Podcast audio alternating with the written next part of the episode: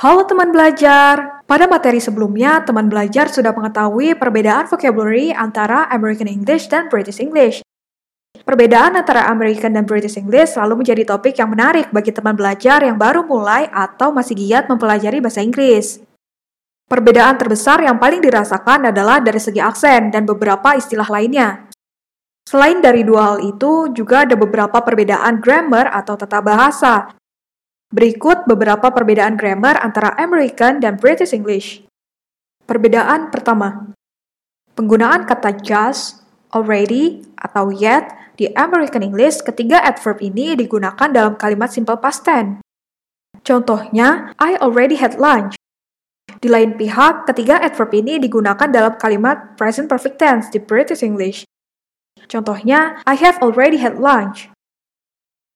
Perbedaan kedua, dalam menyatakan possession atau kepemilikan, di American English orang menunjukkan kepemilikan dengan menggunakan kata have atau has. Contohnya, I have a car.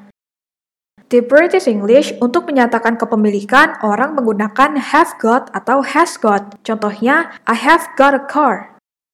Perbedaan ketiga, kamu pasti sudah terbiasa dengan penggunaan to dan past dalam menyatakan waktu. To digunakan untuk menyatakan berapa menit menjelang jam tertentu, sedangkan past digunakan menyatakan berapa menit lewat dari jam tertentu.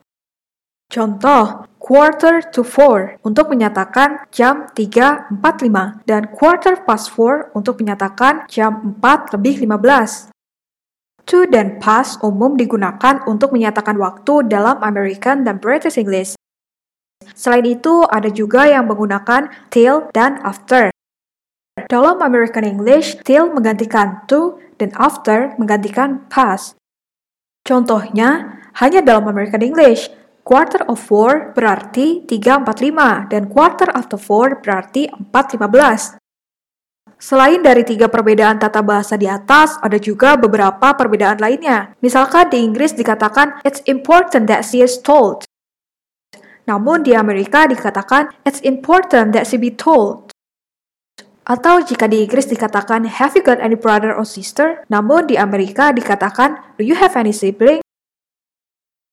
Nah, itulah beberapa contoh perbedaan grammar dalam British dan American. Jika ditanyakan mana yang benar di antara keduanya, maka jawabannya keduanya benar, karena sekali lagi mereka adalah native. Yang salah jika teman belajar yang bukan native membuat aturan sendiri dalam bahasa Inggris. Namun, bukan berarti teman belajar yang belajar bahasa Inggris tidak boleh salah. Justru sebagai bukan native, seharusnya kamu jangan takut salah, karena sesama native saja, bahkan sesama orang Inggris saja, masih belum sepakat tentang grammar. Karena tujuan dari penggunaan bahasa adalah berbicara, mendengar, menulis, dan membaca, bukan grammar. Sebaik apa pun grammar seseorang, jika tidak dapat mengaplikasikannya dalam empat hal tersebut, maka sama saja tidak bisa berbahasa. So, don't give up if you want to fluent in English. See you teman belajar!